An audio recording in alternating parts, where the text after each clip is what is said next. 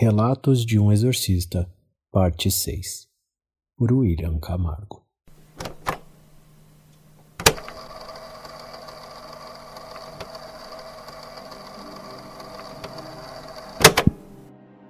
Você tinha falado sobre essas cicatrizes no rosto? Você pode explicar de novo? Bom, eu já tô velho eu acho que meus dias estão chegando ao fim, então não tem problema.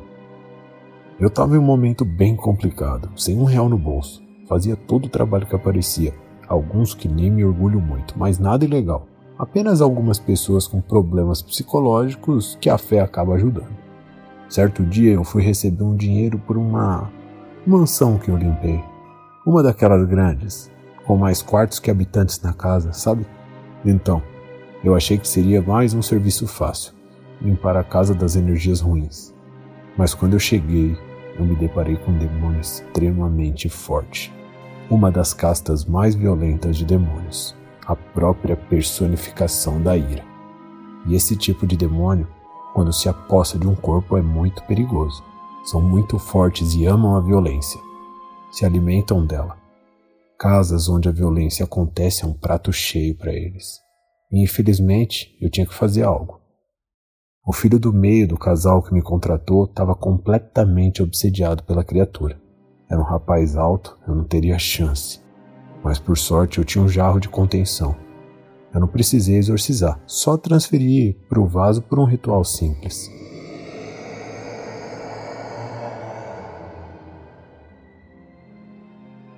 Peguei a minha quantia de dinheiro, que foi bem generosa, ia me resolver vários problemas. E aí eu fui embora de lá. O bairro era nobre e eu estava saindo da casa. Eu andei algumas quadras de carro até que quatro caras com duas motos pararam meu carro e apontaram suas armas.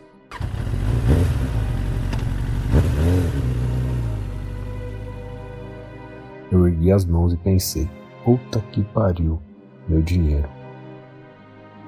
E antes fosse. Os malditos, além do dinheiro, me sequestraram, cobriram minha cabeça e me colocaram no porta-malas. Me levaram para um galpão. Me colocaram em uma cadeira e começaram a me chamar pelo nome de Carlos. Me confundiram com o cara que havia me contratado, o bacana. Eu disse que não era o Carlos. Falei para olhar em minha carteira que não era eu. Mas quando eles viram a quantia de dinheiro que eu tava, pensaram que eu era rico também. Começaram a me espancar. Eu tomei tanto soco, tanto soco que eu não conseguia nem enxergar com a esquerda. E eu disse, eu não tinha mais dinheiro, só tinha aquilo.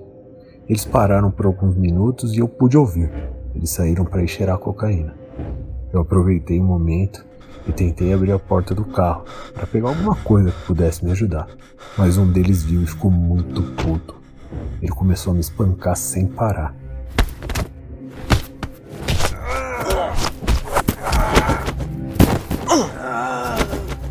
Cada três socos que eu tomava, eu sentia um só, porque durante os outros eu estava apagando. Minha visão foi escurecendo, eu não sentia mais os socos, minha boca estava encharcada de sangue, ela latejava. Eu mal conseguia respirar engasgado com aquele sangue. Eu pensei, é assim que eu morro? No sequestro? Foi quando eu vi a jarra de contenção. Não tinha mais nada que eu pudesse fazer. Eu abri a jarra e pedi para o demônio me ajudar.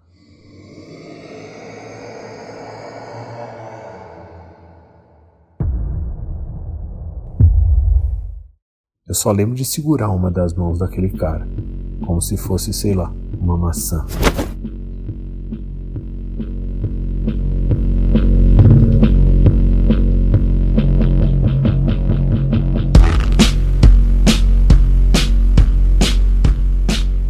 Ver tudo, eu só não tinha o controle.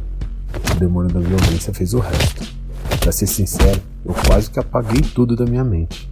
Fora cicatrizes, eu não lembro de muita coisa. Mas uma coisa eu sei: aquelas foram mais algumas mortes que entraram para mim no conto.